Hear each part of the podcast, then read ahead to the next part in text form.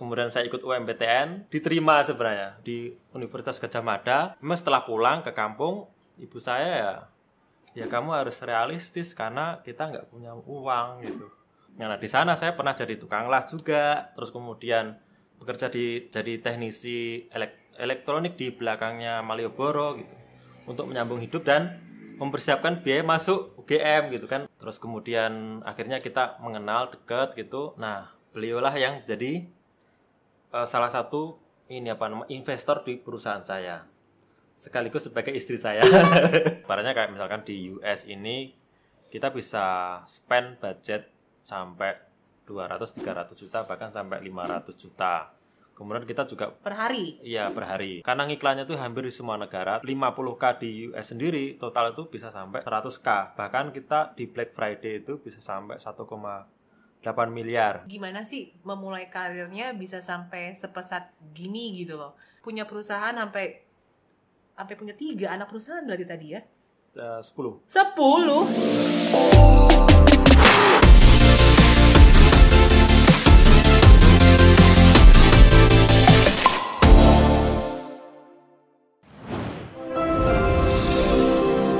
Video ini dipersembahkan oleh 101red.com. Jualan online tanpa ribet. Halo semuanya, kembali lagi jumpa di channelnya Christina. Kali ini saya lagi dengan Mas Yoyo Rubiantono.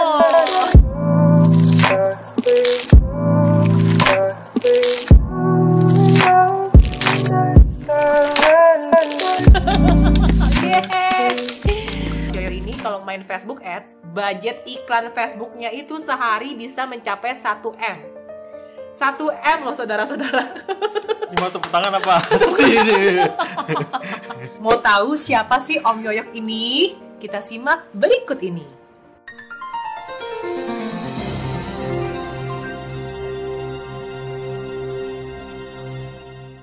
Kenalin, ini Yoyo Robiantono dari Jogja. founder dari Yosugi Media Group. Jadi, hidup Mas Yoyo ini variatif banget. Di tahun 2000 hingga 2005, Mas Yoyo sibuk sebagai mahasiswa teknik elektro sekaligus teknisi servis AC. Di tahun 2011, saya membangun perusahaan kontraktor migas bersama teman-teman. Akhirnya, Yoyo balik ke Jogja di tahun 2012. Saya membangun usaha internet marketing agar bisa bekerja dari rumah dan bisa dekat dengan anak dan istri. Jadi penasaran impian Yoyo mau jadi apa sih? Saya ingin menjadi Little Jack Ma. Semoga tercapai. Semangat! Terima kasih. Nama saya Yoyo Rubiantono dan saya punya passion untuk membantu pengembangan UKM lokal.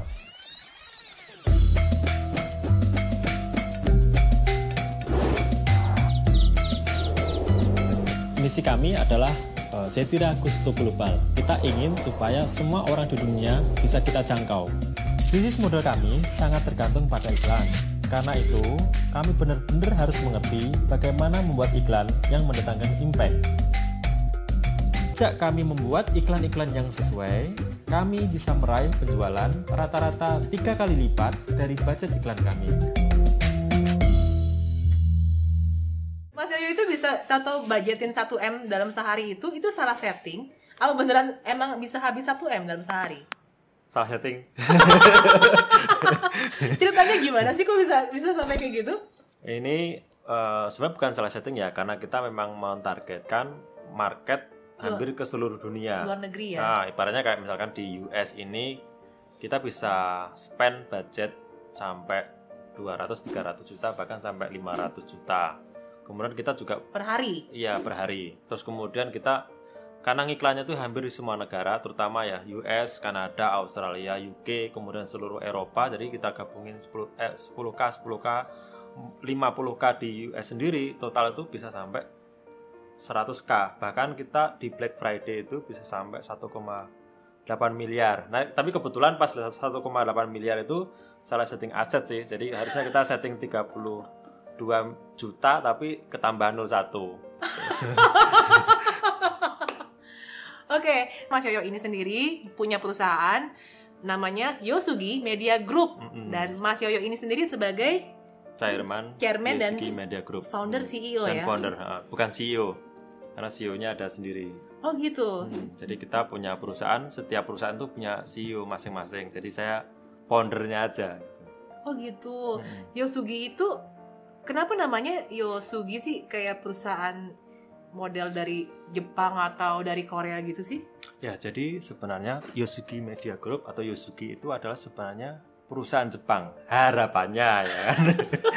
Tapi realitinya sebenarnya Yosugi ini walaupun kita kita pengen menunjukkan bahwa ini adalah perusahaan Jepang gitu atau multinasional, tapi sebenarnya itu adalah nama saya sama istri saya. Gue udah nungguin dari tadi gitu, nggak tahu Udah ya. Emang nama istrinya Mas Yoyo siapa? Jadi nama Yosugi itulah diambil dari potongan nama Yoyo Rubiantono dan Sugi Hidayati gitu. Ya ampun, jadi Yoyok dan Sugi, Mm-mm. Yosugi. Yo Sugi Hati. kan keren kan ya? Keren, perusahaan keren, Jepang keren, kan keren. nah gitu. Nah singkat cerita, berarti sekarang kalau gue yakin banget sih, pasti cita-citanya udah tercapai dong. Alhamdulillah kita eh, bisnisnya di hampir semua negara kecuali Korea Utara waktu tadi. itu Korea Utara dan Indonesia sebenarnya. Tapi tahun ini kita masuk ke lokal market ke Indonesia itu eh, sudah setahun kan nggak salah. Pertama kita membangun perusahaan namanya PT Yosugi Putra Mandiri. Nah di tengah perjalanannya kita ingin melebarkan sayap menjadi memiliki induk perusahaan. Nah jadi walaupun lahirnya belakangan tapi dia jadi ayahnya gitu. Jadi Yosugi Putra Mandiri ini di uh, didirikan tahun 2011 terus kemudian tahun 2015 kita bikin induk perusahaan namanya Yosugi Media Group dan sister company ada Setira dan PT Setira dan PT Belila dan beberapa CV. PT Belila ini dia fokusnya adalah produsen produk skin and beauty.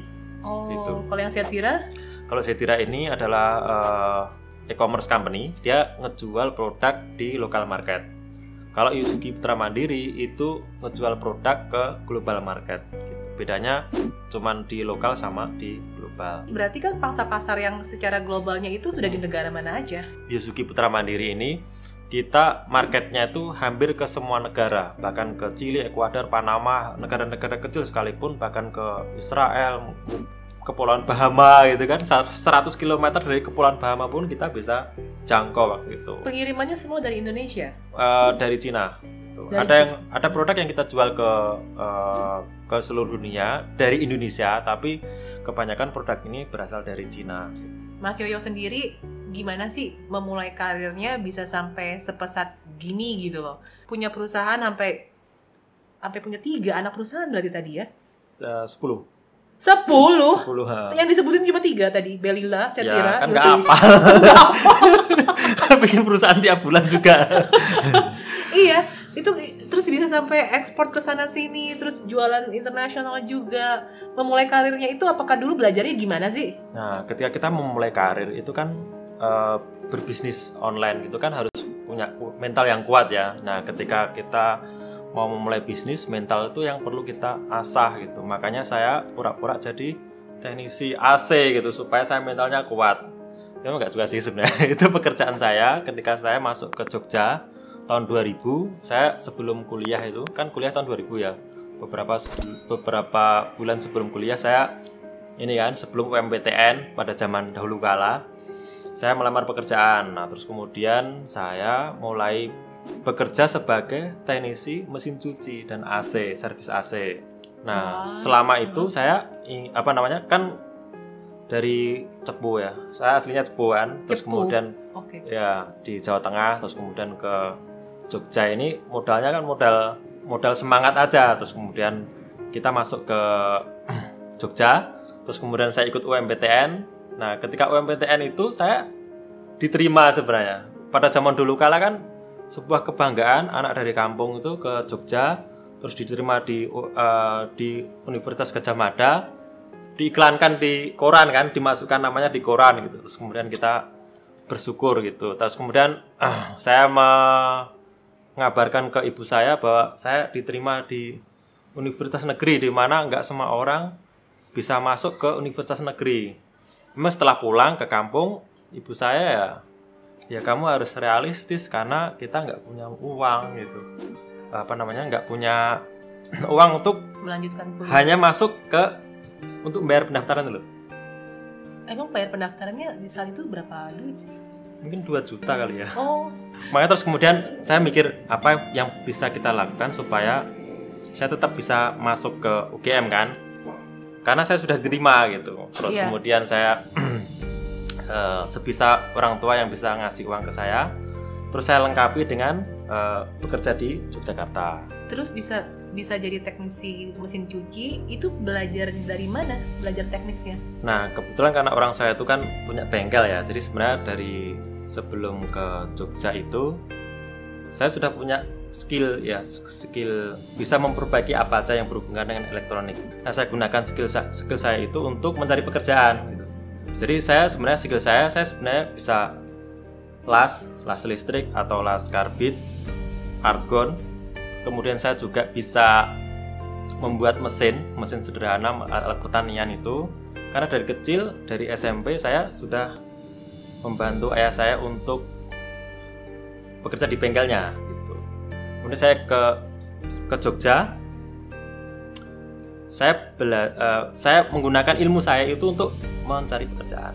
Nah, di sana saya pernah jadi tukang las juga, terus kemudian bekerja di jadi teknisi elek- elektronik di belakangnya Malioboro gitu untuk menyambung hidup dan mempersiapkan biaya masuk UGM gitu kan. Waktu itu 2 juta kan nggak cukup Ibu. Saya cuma ngasih uang berapa itu untuk hidup. Tapi uang 2 juta itu saya harus cari sendiri. Nah, kebetulan karena ibu saya, orang tua saya hanya bisa memberikan sang untuk bekal hidup ya. 2 juta ini saya cari waktu itu dengan bekerja. Walaupun nggak lengkap tapi alhamdulillah di, dicukupkan itu. Cuman pas saya daftar itu ternyata masih kurang 20.000 ribu sebenarnya. Jadi saya mau daftar ini ini ada biaya administratif yang jadi uang saya itu pas banget. Kurang 20.000 ribu. Saya kan teker-tenger ya bahasa Jawanya itu gimana nih udah masuk ke situ udah membayar ini mas kurang ada ada 20.000 ribu untuk kalau nggak salah biaya formulir atau saya lupa. Terus kemudian ada teman belakang saya kenapa mas lama sekali? Bingung gitu kan. Terus kemudian aduh mas ini uh, garuk-garukan saya. Terus kemudian saya terus terang sama orang teman saya yang di belakang saya itu anu mas saya tuh mau daftar tapi saya uangnya kurang 20.000 ribu.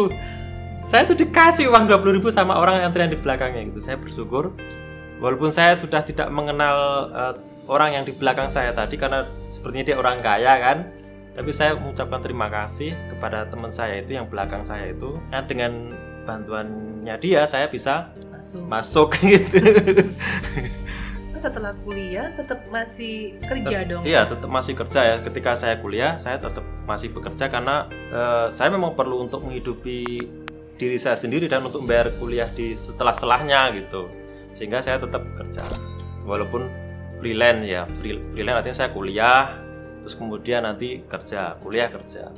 Ada hal yang lucu ketika eh, customer yang saya datangi itu ternyata adalah dosen saya gitu dan itu ada dua orang gitu Oh mereka sebelumnya nggak tahu ya? sebelum sebenarnya nggak tahu cuman eh, kan saya kuliah kan saya Iya. juga cukup aktif di kampus karena saya juga seneng dengan Uh-uh. eh, teknik elektro kan Iya. nah ketika sampai rumah itu saya juga nggak tahu eh, customernya itu adalah ternyata dosen saya. Gitu kenalin lagi. ya saya mem- apa namanya eh, ya menguatkan diri ya kuat mental gitu lah ya.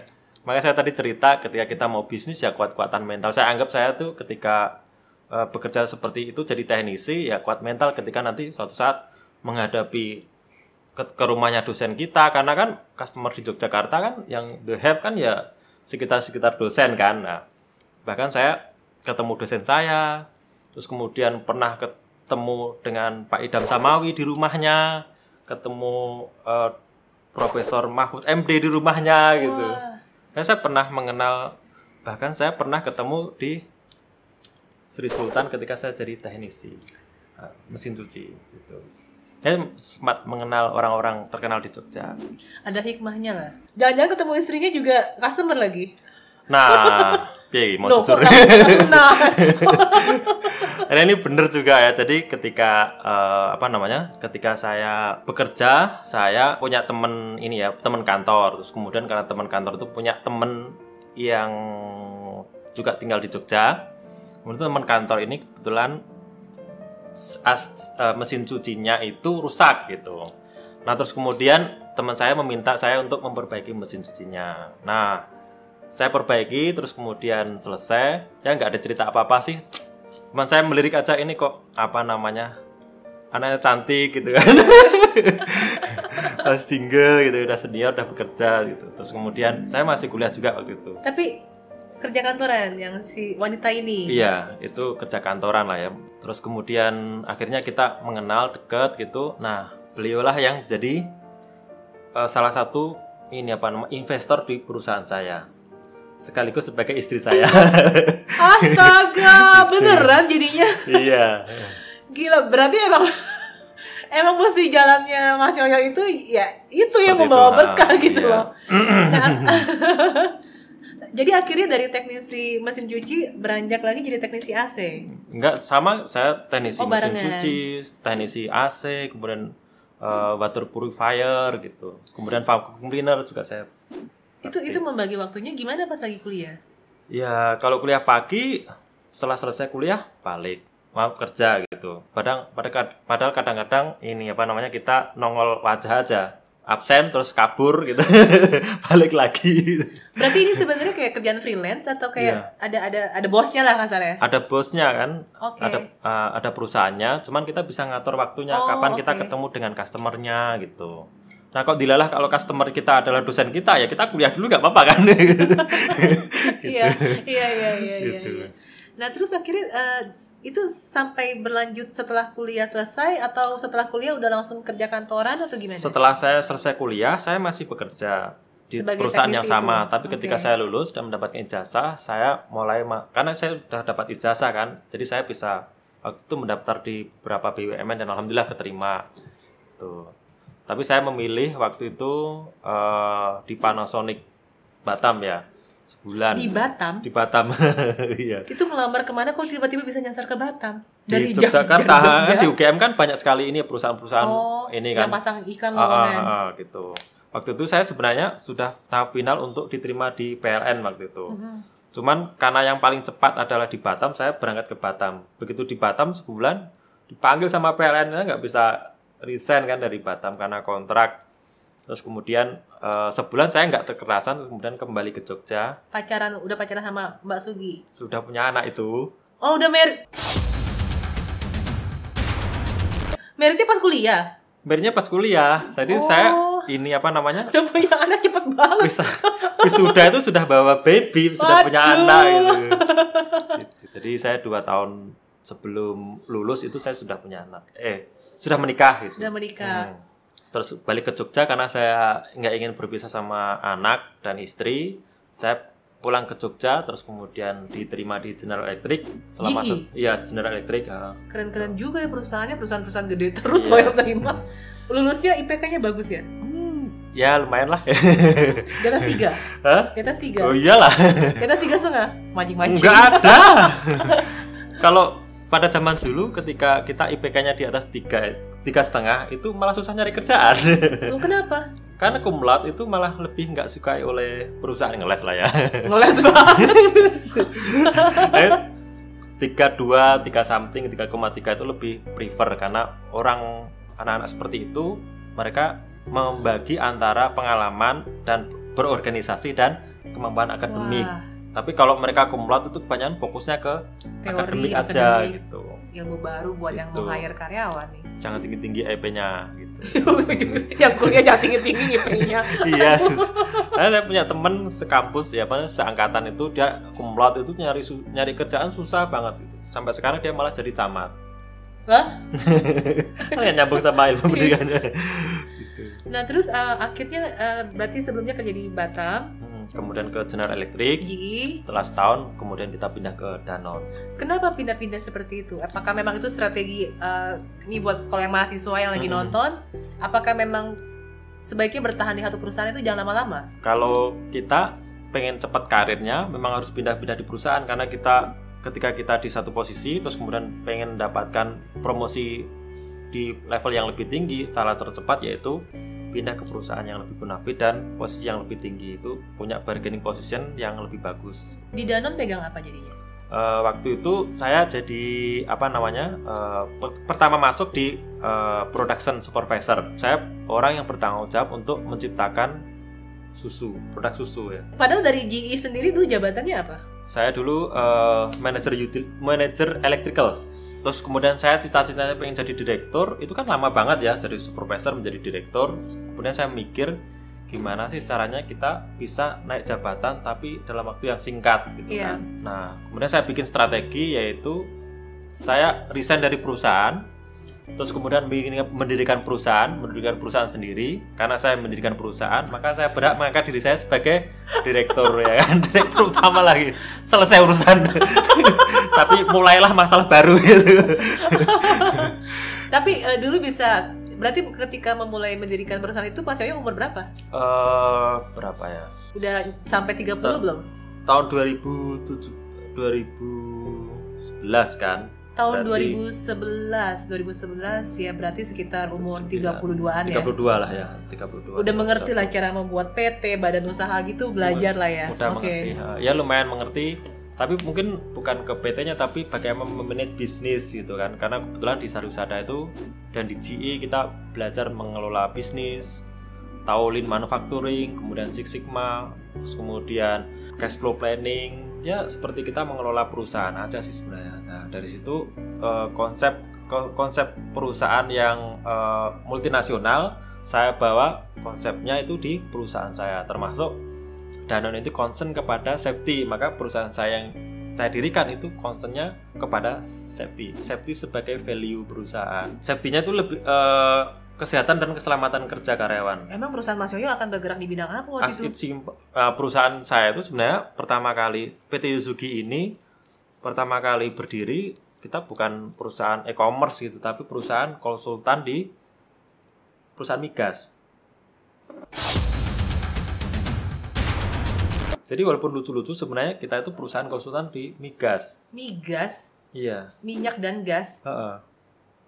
Jadi klien kita itu Pertamina, terus kemudian Antam. Kita juga pernah jadi kontraktornya Pertamina dan Antam. Ketika mereka mau bikin plan, maka saya sebagai konsultan mereka untuk membangun plan itu yang benar, yang yang sesuai dengan standar safety, perencanaan itu Hah? saya jadi konsultannya gitu. Dan itu Mas Yoyo sendiri atau ada partneran dengan beberapa teman? Ada timnya ya, tapi saya adalah eh, engineering spesialisnya. Nah, orang yang baru mulai membuat sebuah perusahaan itu kan pasti bingung di SDM mesti hire siapa siapa siapa itu Iya. dapat dari mana buka lowongan aja terus menentukan siapa aja mesti di hire untuk posisi ini posisi ini posisi ini intinya ketika baru enam bulan pertama dia berapa Hmm. staff Ketika enam bulan pertama itu kita tiga orang.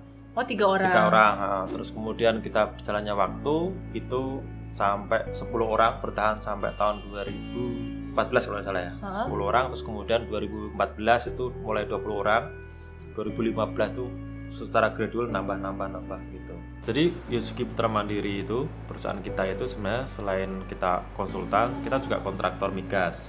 Tapi kita juga pernah jadi kontraktor perumahan. Jadi kita membangun beberapa perumahan elit di Yogyakarta katakanlah eh, Green Hill gitu. Setengahnya itu kita yang bangun pada waktu itu. Nah terus kemudian kita mikir kalau saya mau bikin perusahaan yang omsetnya besar tapi effortless ya effortnya lebih sedikit apa? Yang saya kembali ke bidang saya yang saya geluti yang pengen saya besarkan yaitu di digital marketing. Nah ketika saya di perusahaan Danon saya mulai memulai bisnis saya itu dengan Google AdSense kita punya website terus kemudian generate traffic. Alhamdulillah waktu itu sudah sam- sampai ke sekitar 1200 1300 per bulan kan. Artinya itu lebih dari sekedar gaji yang saya terima di perusahaan saya yang lama. Maka saya memberanikan untuk resign supaya saya fokus untuk eh, di eh, digital marketing. Nah saya resign karena saya punya kapital kan Terus kemudian saya meng-hire dua orang, jadi kita bertiga itu ya sehari-harinya kita bikin konten, bikin website, bikin blog, terus kemudian kita generate traffic dari situ, dari SEO selama bertahun-tahun. Nah tahun 2012 saya sama teman-teman tuh mendirikan CPA company yang pertama di Indonesia, Hmm, CPA itu apa eh, Cost per Action Company. Cost per Action Company. eh, ya sampai tahun 2012 sampai kemudian sampai tahun 2014 ya mungkin mungkin teman-teman sudah mengenal saya tahun 2012 sampai 2014 cuman saya melihat eh, trennya dari CPA company ini akan mulai saturated ya. Jadi selama tahun 2013, 2014 saya menyiapkan diri untuk belajar paid traffic, media buying. Ya, saya belajar di situ di uh, course-nya Charles Ngo waktu itu di Singapura. Kemudian saya belajar. Saat itu kita nggak ke Facebook Ad tapi ke uh, apa namanya ke perus- apa namanya uh, traffic source seperti Siropak, kemudian Exoclick, kemudian ya macam-macam lah, Plakras gitu untuk mengenerate traffic sampai kita 2014, 2015, 2016 pada saat itu kita masih uh, fokus ke affiliate project ya. Terus kemudian kita lihat uh, trennya itu 2015, 2016 saya melihat trennya itu ke e-commerce gitu. Walaupun waktu itu saya belum realize lah ya. Banyak sekali teman-teman saya di luar negeri mereka uh, shifting dari dari affiliate menuju ke CP, apa, menuju ke e-commerce karena shifting itu menandai kita sebagai pemilik perusahaan atau pemilik pemilik bisnis itu. Kalau kita affiliate kan menjualkan produk orang lain, mempromosikan produk orang lain. Iya. Tapi kalau kita punya bisnis sendiri, punya brand sendiri, lah itu bisnis kita yang akan menemani kita di masa-masa yang akan datang gitu dan Iya. akan lama gitu. Karena saya anggap affiliate CPA company itu nggak akan bertahan lama karena berubah offernya, kemudian kita mempromosikan produk orang lain. Saya berpikir untuk menciptakan produk sendiri, ngejual produk sendiri dengan mengenerate traffic dari beberapa platform. Sampailah kita plat menggunakan platform Facebook. Sampai Gitu. sekarang murni Facebook Ads atau masih ada Google AdWords segala macam kayak gitu? Nah, kebetulan kita eh, saat ini di tahun 2015 sampai 2019 kita murni Facebook Ad. Tapi di eh, beberapa bulan kemarin kita dapat eh, credit line dari Google ya untuk beriklan juga di platform Facebook dan Google gitu. Jadi kita punya dua weapon baru dari Google gitu. Dari Google dan Facebook maksudku. Oke oke. Di Indonesia ini kan masih banyak sekali kan yang dropshipper dropshipper dan bahkan sebenarnya sekarang juga trennya udah mulai tergeser nih. Yang tadinya dropshipper, eh, tapi dropshipper dropshipper sendiri sudah mulai merasa banyak serangan dari Luar luar yang bisa jualan di marketplace Indonesia. negara api menyerang. Negara api menyerang. Nah, menurut Mas Yoyok sendiri trennya ke depan itu gimana ya? Nah, bagi saya sebenarnya bisnisnya itu memang mulai dari dropshipper ya. Bahkan Iya. kita sampai sekarang juga dropshipper gitu. Jadi saya ingin meyakinkan teman-teman dropshipper itu pasti akan mendapatkan tempat tersendiri sampai nantinya. Karena dropshipper itu adalah level awal ketika kita memulai bisnis. Ketika Betul. kita belum punya working capital, pengalaman, belum punya kemampuan untuk menciptakan produk sendiri, cara nge-branding, maka kita bisa mulai dari dropshipper. Karena kita ngejual produk orang lain, orang lain tanpa kita harus punya produk itu, punya brand, kemudian punya kapital yang mencukupi. gitu. Kita bisa mulai dari sana. Nah, ketika kita sudah punya modal yang cukup untuk membuat brand sendiri, punya tim, punya tim riset, punya tim lah lengkap lah ya, kita bisa menciptakan produk sendiri, brand sendiri, sehingga kita jadi product owner. Product owner pasti membutuhkan dropshipper kan. Nah, Betul. makanya saya bilang tadi dropshipper itu pasti mendapatkan masih akan mendapatkan tempat gitu. Berarti Mas Yoyok sendiri eh, sekarang selain menjadi dropshipper Mhm. juga mulai fokus bikin produk sendiri. Ya, betul. Nah, saat ini kita fokus ke market lokal Oke. di mana kita membantu teman-teman UKM itu memasarkan produknya ke hampir semua negara. Jadi kita membantu teman-teman UKM itu goes to global. Nah, caranya gimana? Kita membeli produk-produk UKM di Indonesia yang qualified untuk bisa masuk ke market global. Contohnya misalkan kita di Yogyakarta ini banyak sekali pengrajin Kulit. ini kan tas kulit Tas kan, kulit, kulit, iya. Tas wanita, terus kemudian tas selempang, sling bag, terus kemudian eh, produk apa pun yang ada di Yogyakarta itu unik dan high quality dan mungkin hanya ada di Yogyakarta atau di Indonesia. Nah, itu ketika kita masukkan ke market global itu karena punya keunikan itu bisa mampu bersaing dengan eh, produk-produk dari Cina gitu. Ketika di market US itu bersaing secara quality gitu. Karena harga bagi orang Amerika itu harga nomor dua, nomor satu itu quality Kualitas. gitu. Ya, memang harga itu consider ya, tapi kualitas itu nomor satu. Mas Yoyo sendiri memasarkannya banyak di mana di, di luar Nah, negerinya? saat ini kita ada dua platform yang kita pakai. Yang pertama pakai platform sendiri atau website sendiri, Shopify. Terus kemudian kita juga ngejual itu di Amazon. oh, gitu. di Amazon. Iya. Kenapa kita punya eh, apa namanya, punya store sendiri dan Amazon? Store sendiri kita bisa ngiklan maksimal di situ, Pakai Facebook, apa pakai Facebook macam. Ads dan Ah. Google Ads.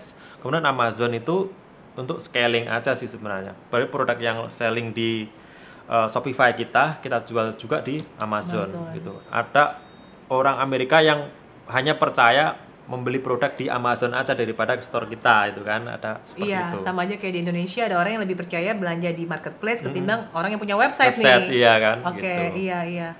Nah, Mas Yoyo, sekarang gimana biar pengusaha UKM yang sudah memiliki brand Mm-mm. bisa masuk ke Amazon? Ya. Nah, kita kan punya pengalaman ya mengejual produk di uh, store sendiri dan Amazon. Ketika kita mau membantu teman-teman UKM lokal masuk ke global market, kita harus bisa atau memiliki kemampuan untuk mengkurasi produknya. Produk ini layak dijual ke market global apa enggak gitu. Salah satunya kita uh, poin pentingnya adalah produk ini punya USP unique selling point apa enggak. Kalau produk ini punya unique selling point yang bagus, dan tidak dipro- bisa diproduksi di katakanlah Cina gitu nanti ketika masuk ke market US atau Amazon itu punya bargaining position yang po- bargaining position yang bagus gitu dan bisa dijual di sana kita kurasi kemudian kita bikin eh, identifikasi eh, eh, HS code-nya kemudian kita ekspor ke Amerika nggak harus banyak sih 5 atau 10 itu bisa masuk ke FBA Amazon kemudian kita listing di sana live kita optimasi sampai listing kita itu di page one nah kita Oke. bisa repeat ke produk-produk berikutnya yang ada di Indonesia Nah, mungkin lengkapnya Mas Yoyo jelasin di papan tulis saja kali ya. Oke. Oke, kita simak nih. saya ingin menjelaskan bagaimana cara kita menjual produk di Amazon, terutama di Amazon Amerika. nah, ketika kita punya produk di Indonesia atau kita punya produk di Cina, punya brand di Indonesia atau di Cina, maka yang mesti kita lakukan untuk mempersiapkan produk sampai ke Amerika itu ada beberapa step yang mesti kita lakukan. Yang pertama, kita eh, menyiapkan HS code untuk produk kita.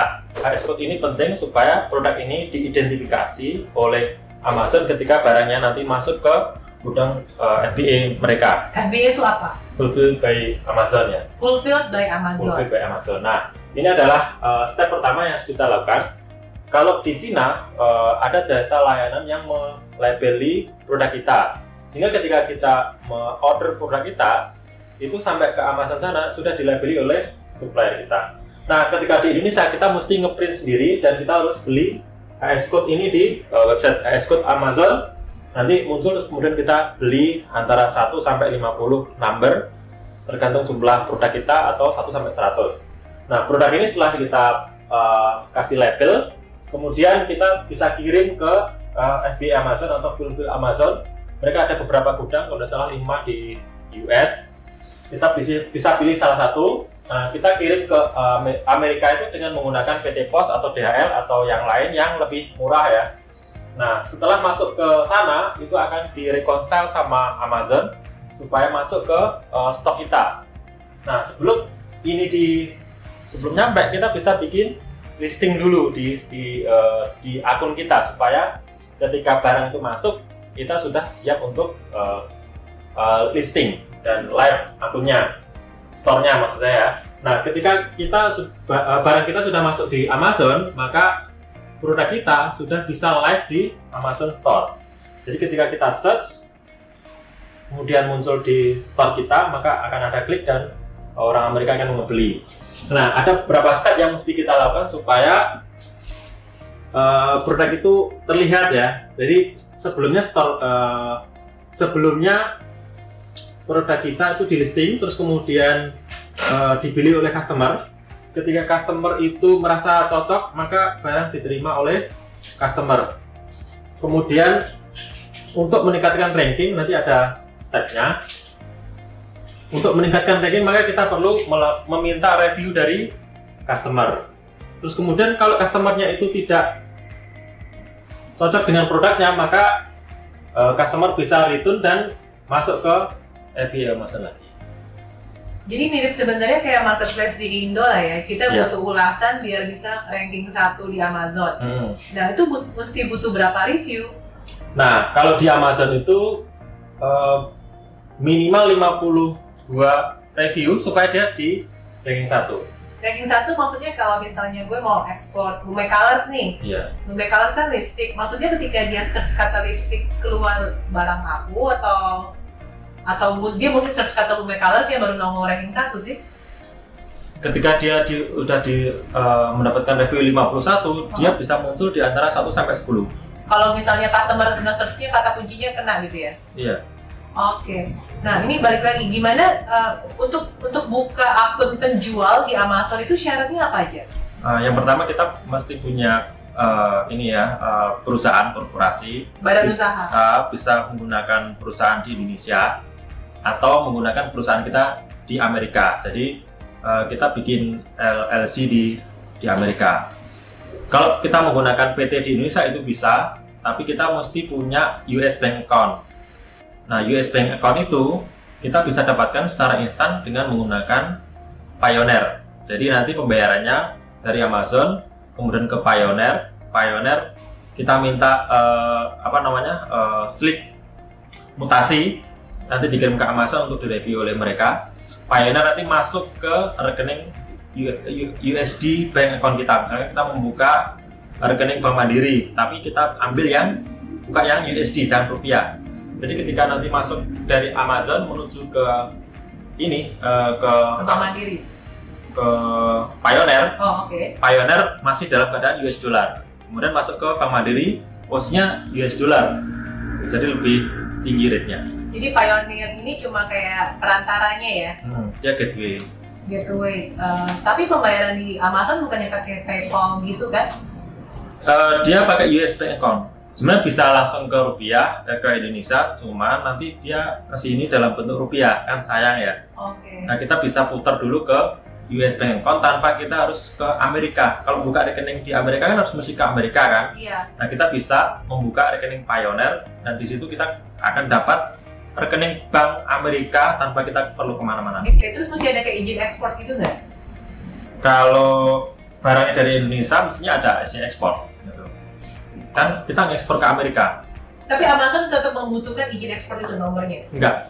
Oh enggak. Yang dibutuhkan justru malah ini perusahaan pengirim jasa shipping ke luar negerinya. Nah, udah gitu dia butuh kayak BPOM-nya segala macam. Nah, kalau perusahaan apa namanya eh, produk yang kita kirim itu atau produk kita jual itu produk-produk kesehatan, maka kita harus mengikuti standar di Indonesia juga. Seperti produk diet, produk solusi itu harus ada BPOM di Indonesia dan punya license di Amerika, FDA approved di Amerika. Untuk. Jadi misalnya kalau mau ekspor lipstick eh, selain menyertakan dokumen BPOM tetap harus ada FDA. Approved di Amerika. Jadi ngurus dulu. Ngurus dulu di Amerika. ha. Lama nggak itu? Lama ya? Kalau di US itu 6 bulan. Kalau di UK 2 minggu. Kirain bisa langsung kirim ya. Kalau lipstick, kalau yang dipakai kemudian kena kulit, dia harus ada FDA approved-nya. Tapi kalau produk-produk seperti kerajinan itu langsung dikirim ke sana nggak tanpa Oh gitu. karena kan perlindungan konsumen kan. Jadi Oke. ketika produk yang sampai ke Amerika itu harus kecuali kalau kita ngejualnya langsung ke konsumen ya itu nggak perlu. Terus kalau ngurusin FDA approve-nya itu ada calonnya nggak sih? Ada sebenarnya. itu ada pihak ketiga yang membantu kita supaya kita ketika submit itu anu lengkap dan bisa di approve. Kalau misalnya gue punya lipstick nih, ada 10 warna. Hmm. Itu berarti HS code-nya satu-satu, ada 10. Satu-satu. Jadi per warna ya? warna heeh. per item barang dia nggak Per eh, item. soalnya dia inventorinya nanti beda Oh. ekspor itu nanti eh, merepresentasikan dari inventory Itu harganya berapa?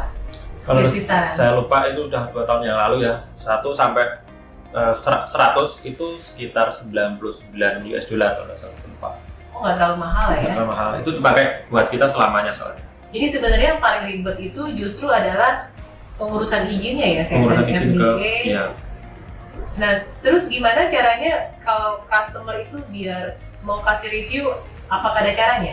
Nah, ini hubungannya dengan uh, ngeranking ya. Ketika kita punya produk dan kita pengen ngeranking cepat, itu sebenarnya kita hanya punya kesempatan untuk ngeranking selama 14 hari. Lebih dari itu, ngangkatnya susah nanti. Dalam 14 hari kita bisa harus mengumpulkan 52 review. Karena kalau kurang dari 52, itu nggak bakal bisa ngeranking mungkin di antara 20 something. Tapi begitu kita dapat 52, maka kita bisa ngeranking di halaman pertama. Gimana sih supaya dapat uh, review dari uh, dari customer ya? Nah, kita bisa melakukan uh, promo giveaway gitu ke customernya. Jadi misalkan potongan harga 90% atau oh, 90% berapa persen nggak nggak bisa ya 90% gitu. Kita bisa meminta teman kita atau sebenarnya ada layanan untuk melakukan review sih, tapi biasanya untuk uh, perusahaan jasa review itu nanti di dideteksi sama Amazon, kemudian reviewnya dihapus. Nah, kita bisa menjual produk itu pertama semurah mungkin yang affordable lah ya sampai menjual 50 52 customer. Nanti kemudian kita bisa email email ke customer untuk meminta review. Nah, oleh Amazon ini memang tidak ada fitur kita menghubungi uh, menghubungi customer karena kita nomor telepon juga nggak bakal dikasih sama Amazon karena itu script dan emailnya. Jadi kita bisa menggunakan jasa layanan pihak ketiga di mana ketika ada beli customer customer beli layanan pihak ketiga ini bisa mengcapture nama, alamat, bahkan nomor telepon supaya kita bisa mengemail mereka dan meminta reviewnya harus review. Tapi kan berarti tunggu barangnya sampai atau Amazon tuh ngedetect barangnya sampai dulu baru si customer bisa review. Sampai dulu, barang sampai dulu. Jadi kas, ya, jadi mesti ngedetect sama Amazon kayak kita ngasih resi gitu ya. Hmm. Jadi Amazon itu karena di API Amazon, Amazon sendiri yang mengirim kurang lebih sekitar tiga hari barang nyampe ketika barang nyampe kita baru ngirim. Nah platform ini mendeteksi barang nyampe apa enggak. Kalau sudah nyampe re, uh, permintaan review ini baru bisa dikirim. Itu otomatis.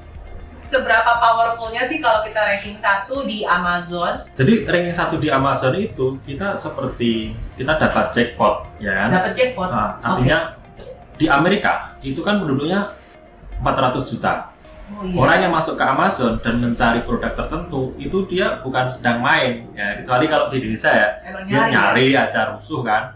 Tapi ketika di Amerika orang nyari itu dia sudah siap beli dan dia punya akun Amazon. Potensi untuk beli itu tinggi dari lima itu bisa dua atau tiga orang. Nah di Amerika itu karena ada 400 juta orang, begitu kita masuk ke apa namanya ke nomor satu hmm. itu banjir sales kalau misalnya uh, orang itu dari sejak melakukan transaksi, pembayarannya itu sampai ke rekening kita kalau kita menggunakan Pioneer itu berapa lama? Nah, kalau Amazon itu dua kali sebulan. Oh. Dua okay. kali sebulan. Nah, kemudian masuk ke Pioneer itu real time ya, sehari langsung masuk karena itu adalah US bank account. Kemudian masuk Pioneer ke rekening kita itu sehari. Jadi butuh waktu sekitar 1 sampai dua hari masuk rekening kita. Tapi Amazon bayarnya dua kali sebulan sekitar misalnya tanggal 1 atau tanggal 15 gitu ya. Uh, 14. Terus ada potongan berapa persen? Nah, mereka itu fee-nya 15 persen. Oke. Okay, Jadi harga kita iya. itu HPP sama target profit kita sama fee 15 persen. Itu dikurangi uh, di luar warehouse ya, kan kita nyewa gudang juga di mereka. Oh, ada biaya sewa gudangnya ya, tergantung besar barang kita ya? Iya, square feet. Nah. Kalau dari Pioneer sendiri potong fee-nya berapa persen? Kalau VIP kita itu 0,5. Oh. bisa ditawar ke 0,3 sih sebenarnya. 0,3 persen. Kalau volume kita salesnya gede ya kita terbang ke Amerika bikin rekening US bank account. Banyak dong uh, UKM di Indonesia hmm. yang uh, produk kerajinan, tas, segala macam itu tinggal kirim masa punya PT itu cepet ya? Bisa, izin ekspor dari Indonesia terus kemudian kirim ke luar negeri. Nah itu kan Mas Yoyo ada tulis Cina tuh Cina tuh ceritanya gimana itu? Nah ini cara kita scaling bisnis dengan produk dari Cina karena pengiriman dari Cina ke US itu murah sekali ya bahkan kadang-kadang ada yang gratis dan mereka uh, sistemnya sudah stabilis. Karena ketika kita memiliki produk di Cina kemudian kita bisa white label jadi produk mungkin sama tapi kita white label dengan brand kita. Maklon lah. Ya maklon. Iya. Itu kita bisa kirim ke Cina plus meminta orang Cina untuk memasang hashcode produk kita di situ. Nah dari Cina langsung dikirim ke Amerika, masuk ke API Amazon, kemudian eh, diisi pakai eh, apa namanya eh, DHL e-commerce ya. terus kemudian masuk ke API Amazon sama nanti seperti ini flownya kurang lebih sama Jadi dikirim untuk masuk ke akun penjual aku gitu kan. iya oh. Jadi tetap aja aku tetap butuh CV, butuh PT atau butuh badan, badan Hmm. usaha. Hmm. Cumanya pas pas mau nyetok barang ya Amazon cuek aja kan, nggak masih dari Indonesia gitu, bisa dari Nggak. Cina, bisa dari. Oh oke. keuntungannya kalau di Amazon ini API Amazon. Artinya kita tidak memikirkan proses pengirimannya sendiri. Jadi tidak packing dan lain-lain. Karena ada fee 15% tadi. Dan kita bisa men-scaling produk-produk yang di Cina ini eh, bisa mengirim sebenarnya 10 aja bisa. 10 item itu bisa sampai ke Amerika. Nanti ketika salesnya bagus kita baru nambah produknya. Nah pekerjaannya nanti tinggal restock dan listing produk baru. Oke. Bayangkan kalau kita punya 1000 SKU, kita hampir tidak perlu melakukan apa pun, hanya melakukan restock. Karena memang kalau sudah masuk Amazon itu kita udah nggak usah pusing iklan ya. Tidak perlu iklan. iklan. Tapi Amazon pun juga ada fitur untuk iklan supaya ngebus 52 review tadi. Lebih murah sebenarnya, tapi itu tidak perlu selamanya iklan di Amazon. Kalau misalnya ada review negatif itu kita bisa hapus nggak sih? Ketika kita dapat review negatif dari kompetitor atau dari customer langsung, maka sebenarnya kita nggak bisa me- menghapus review itu. Dan itu sangat berdampak pada ranking kita. Begitu kita dapat re- review negatif atau dapat rating satu lah ya, ranking kita akan turun. Walaupun misalnya ada 10 orang udah kasih bintang 5, terus ada satu orang bintang satu langsung Ya average kan jadi 4,8 sampai Iya. sehingga turun. Thank you banget buat penjelasannya ya. Oke. Yang di papan tulis tadi harusnya sih udah lumayan jelas. Kalau nggak ngerti langsung datengin aja kantornya Mas Yoyo di Bantul. Itu selalu open ya tiap hari Sabtu ya. Setiap Sabtu, ya nggak setiap hari Sabtu juga sih, per dua minggu sebenarnya. Per dua minggu Ah. Publik boleh belajar, Boleh datang. belajar. Meskipun nggak kenal Mas Yoyo, toto main datang gitu. Main datang aja. Nah jadi kalau yang nanti ingin lebih tahu lebih detail bisa satronin tempatnya Mas Yoyo. Tapi kalau bisa jangan sendiri lah, ajak teman-temannya sekalian, Oh, oh. rame-rame, biar jelasinnya nggak cuma sekali, Iya. berulang-ulang gitu. Nah Mas Yoyo, aku tuh sempet tahun lalu lah ya ngelihat ada fotonya Bang Sandiaga Uno Mm-mm. kayak launching apa gitu terus launchingnya itu di kantornya Mas Yoyo tuh lagi ngapain sih? Jadi waktu itu tuh eh, Bang Sandi itu kan concern pada pengembangan UMKM kan. Iya. Nah, waktu itu beliau pengen mendeklarasikan UMKM itu dapat fasilitas dari perusahaan dari negara gitu dari pemerintah yaitu free tech untuk perusahaan online free tech selama 2 tahun. Kalau eh, Bang Sandi jadi wakil presiden pada Iya zaman karena itu. tahun lalu eh tahun ini ya malah ya. Hmm. Iya. Heeh, heeh. Tapi konteksnya bukan ke pencalonannya, tapi bagaimana eh, calon pemimpin di masa yang akan datang itu mensupport UMKM UMKM lokal supaya Iya, tumbuh. Jadi iya. kalau ketika tumbuh dibiarkan tumbuh dulu, baru dipacakin gitu kan. Iya. Pemikirannya di situ. Kalau dia baru tumbuh terus dipacakin, dia kayak game over gitu kan. Iya benar banget. Nah, pada saat itu Bang Sandi melihat ini siapa yang jadi simbol di negara di di Indonesia yang ya, concern atau membantu UMKM secara in reality gitu. Makanya mengambil kebetulan eh, mengambil di tempat saya bukan apa-apa karena kita concern ke UMKM lokal gitu. Ini terlalu merendah loh. Biasa Mas Yoyo. Mas Yoyo ini pembayar pajak terbesar di Jogja kalau nggak salah. Salah satu Pokoknya Google deh, Google nama Yoyo Rubiantono di Google, ntar keluarnya apa itu eh, udah lengkap banget. salah satu. Pembayar pajak terbesar.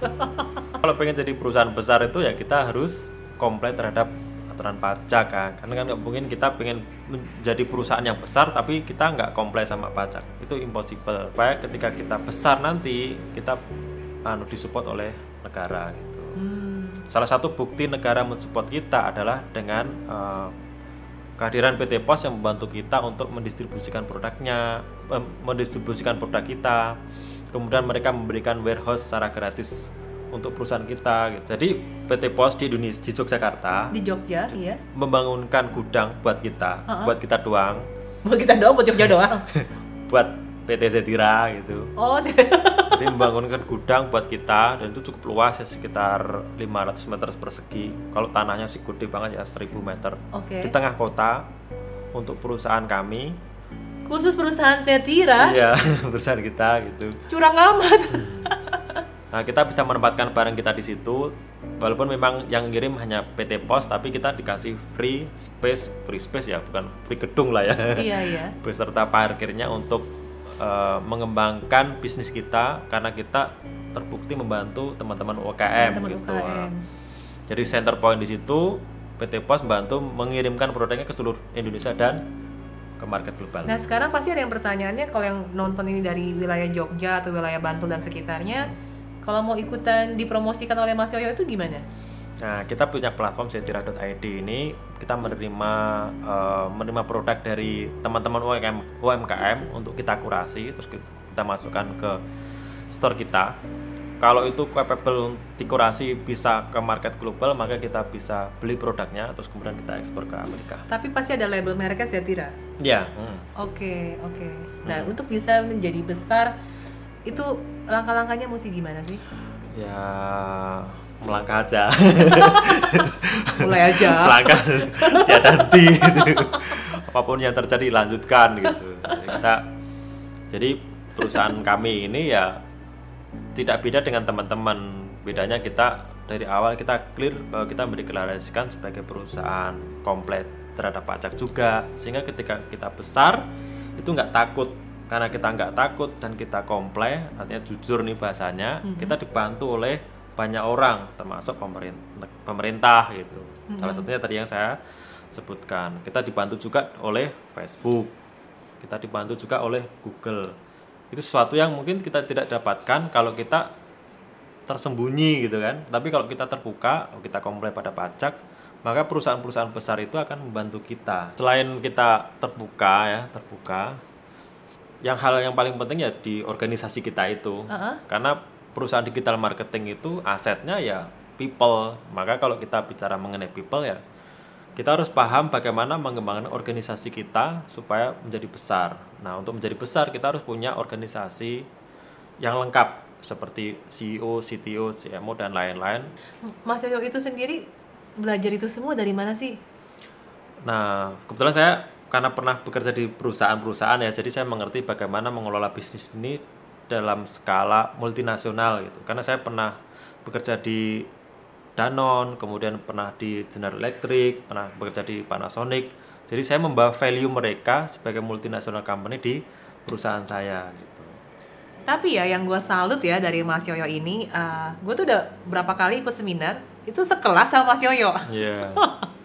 Jadi dan Mas Yoyo itu tuh kalau ikut seminar istrinya selalu di bawah, lalu ada pasukan dayang-dayang ya staff Timnya lah ya. para tim kesayangannya Mas Yoyo tuh selalu dibawa. Tidak sungkan eh, apa ya? Tidak sungkan investasi ilmu gitu. Ya. mm-mm. Bahkan di umur segini dengan Di pengetahuan umur segini masih muda. Under 40. maksud gue bahkan bisa jadi sebenarnya dia lebih senior daripada yang ngajar gitu. Cumanya apa ya? Mungkin karena ingin update terus dengan yang baru atau Iya. eh, bisa bisa apa ya? Bisa selalu merendahkan diri untuk menerima ilmu gitu loh. Iya. Ketika saya masuk ke market lokal, saya harus mengerti eh, market lokal itu seperti apa sih. Maka saya mulai belajar dengan teman-teman yang lebih dulu jalan di market lokal. Oh, karena selama ini marketnya Selama ini saya luar masuk negeri. ke luar negeri, jadi saya lebih paham orang Amerika daripada orang Indonesia sendiri gitu kan. Ternyata orang Indonesia jualannya lebih Lebih lebih rusuh lebih, kan. lebih, lebih gusuh mesti pakai Lebih WhatsApp. membingungkan gitu kan. Lebih pakai WhatsApp ya. Kalau Gitu. orang Amerika mungkin langsung tinggal pakai add to cart kelar bela- Iya. bayar gitu kan. Nah, saya pengen belajar juga bagaimana mengelola bisnis di Indonesia karena itu sesuatu yang baru bagi saya juga. Tapi saya eh, prinsipnya begini, kita bisa belajar kepada siapa pun sebenarnya, bahkan kepada yang lebih muda. Karena ketika kita belajar, kita harus merendahkan diri untuk bisa ilmu itu masuk gitu. Kalau Iya. kita tinggi hati itu kan ilmu Iya. itu nggak pernah bisa masuk. Maka saya belajar kepada yang lebih junior karena mereka punya perspektif cara pandang yang berbeda dalam berbisnis gitu. Dan itu jadi memperkaya pengalaman saya dan perusahaan saya. Oh, kita punya perspektif seperti ini. Perspektif saya yang lama itu perusahaan multinasional, konsepnya seperti ini, konsepnya seperti ini udah udah fix lah ya. Tapi ketika kita eh, kan bisnis atau ilmu itu kan pasti berkembang terus Betul. teknologi pasti berkembang terus. Tapi untuk eh, perspektif kita mengelola bisnis, mengelola usaha, bagaimana mengelola tim milenial itu, itu ya kita harus belajar pada orang yang lebih seni junior gitu. Banyak juga nih mahasiswa yang nanya ke saya, sebenarnya kuliah itu penting, Penting nggak atau sih? enggak sih? Bahkan karyawan yang sudah bekerja pun sebenarnya buat apa sih bu kuliah lagi gitu kan? Terus kan saya udah kerja atau kayak bahkan di era digital marketing gini orang gue cita-citanya mau jualan Ngapain, online gitu kan? ngapain gue kuliah? Nah ini pendapat saya ya, saya sampai pada pemahaman walaupun saya perjalanan saya panjang begini, tapi saya menganggap formal education will make you a living, but self education will make you a fortune. Edukasi pendidikan formal, Pendidikan formal itu, itu ya membuat kamu bisa hidup. iya. Tapi kalau kita pengen menjadi seseorang yang lebih maju, kemudian pengen fortune gitu kan, Iya. kita harus belajar juga. street smart lah, iya. pengalaman, iya. Pengalaman itu akan membawa kita pada hal yang lebih tinggi lagi. jenjang selanjutnya lah. karena itu tadi itu akan jadi bekal kita tersendiri untuk menghadapi masa-masa yang akan datang kan makin lama makin sulit kan nah kita Iya. harus punya pengalaman yang lebih panjang tapi formal education itu sangat penting buat kita jadi kalau saya mungkin tidak lulus di bangku kuliah saya nggak akan sempat mencicipi bekerja di perusahaan multinasional Iya. di mana ketika kita bekerja di perusahaan multinasional ini saya mengenal betul bagaimana mengelola bisnis mengelola korporasi yang besar dalam skala dan kualitas multinasional. Kalau saya lulusan SMA mungkin saya jadi teknisi something, tapi ketika saya lulus S1 saya sempat mencicipi dan masuk ke manajemen level di perusahaan-perusahaan multinasional. Nah, buat teman-teman yang sudah memutuskan untuk eh, menjalankan bisnisnya walaupun tidak selesai ya Tidak selesai kuliahnya. tidak selesai kuliahnya kita bisa tetap kan tadi sudah formal education kan belum tidak harus sampai S1 juga kan Iya. SMA juga nggak masalah tapi yang penting kita punya keyakinan ketika kita memulai bisnis ini ya kita jangan berhenti jadi dropshipper aja. Seperti tadi fase-fase saya itu dari dropshipper dari dropshipper kemudian reseller kemudian jadi stokis katakanlah kemudian jadi business owner. Karena kita fase-fasenya seperti itu. Jadi buat teman-teman yang saat ini masih jadi dropshipper ya jangan berkecil hati karena fasenya memang seperti itu. Kita mengumpulkan pengalaman nanti suatu saat kita ke level berikutnya itu sudah punya landasan bisnis. Kan nggak mungkin terus tiba-tiba kita jadi business owner gitu kan, punya brand gitu. Cara awal supaya kita mulai belajar yaitu dengan belajar dropshipping. Nah, proses dropshipping ini seperti yang dilakukan teman-teman one on one red di mana mereka menciptakan produk buat teman-teman dropshipper. Nah, kira-kira seperti apa sih uh, one on one rate itu? lah jadi gue yang promosi. Iya, jadi memang sih waktu itu sempat ditanya kan, "Ah, Cici buat apa sih bikin one on one rate gitu kan? Iya. Sebenarnya eh, saya sendiri percaya ya, nggak ada orang yang selamanya akan menjadi reseller. Ya. Dan saya juga ngomong ke reseller-reseller saya sendiri yang tergabung di One on One Rate, kamu mindsetnya itu harus ujung-ujungnya jadi pengusaha, menciptakan brand sendiri, produk sendiri. Ya.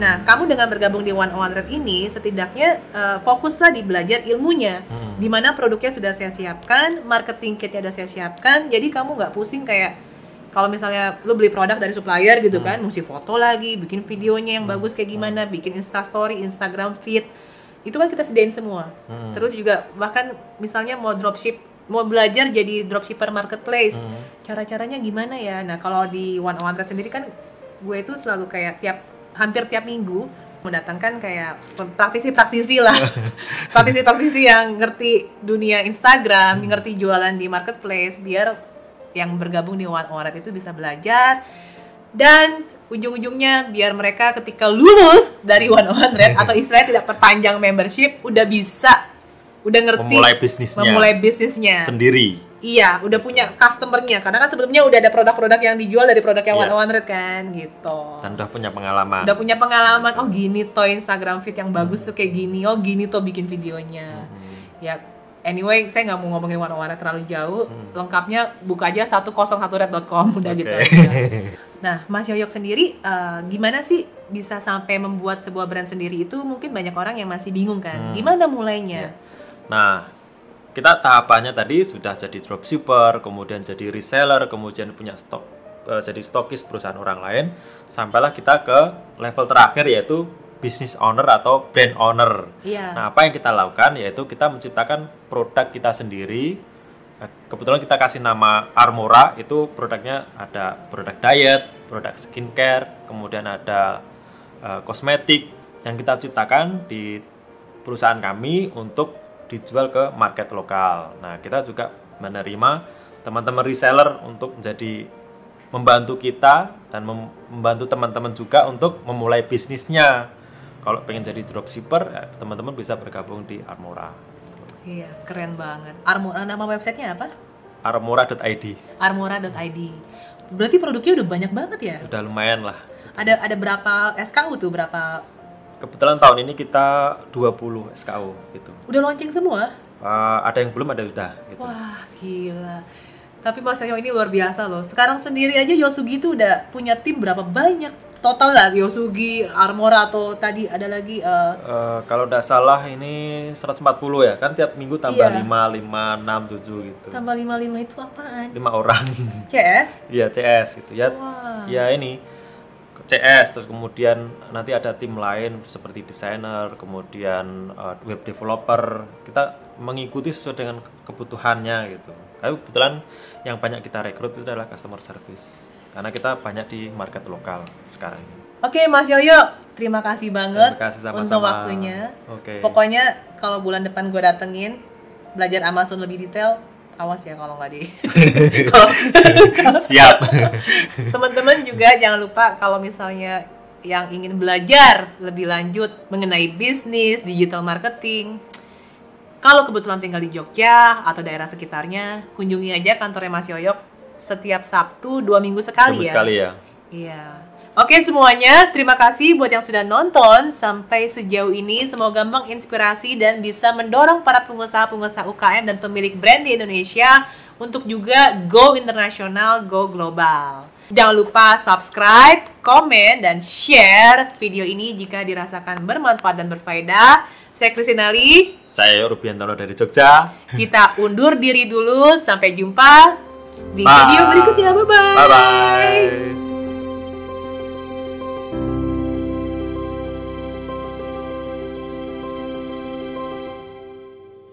Tidaklah masalah berapa kali kita gagal. Tidak penting berapa kali kita hampir berhasil. Kecewa karena gagal itu masih jauh lebih baik daripada menyesal tanpa melakukan sesuatu. Yang perlu kita lakukan hanyalah belajar dari kegagalan itu dan dari orang-orang di sekitar Anda dan yakin kalau kita pun bisa bangkit. Janganlah takut dengan kegagalan, karena jalan menuju kesuksesan adalah dengan selalu mencoba setidaknya satu kali lagi. Dan ketika kita mencapainya, semua yang tidak tahu kisahmu hanya bisa berkata betapa beruntungnya Anda.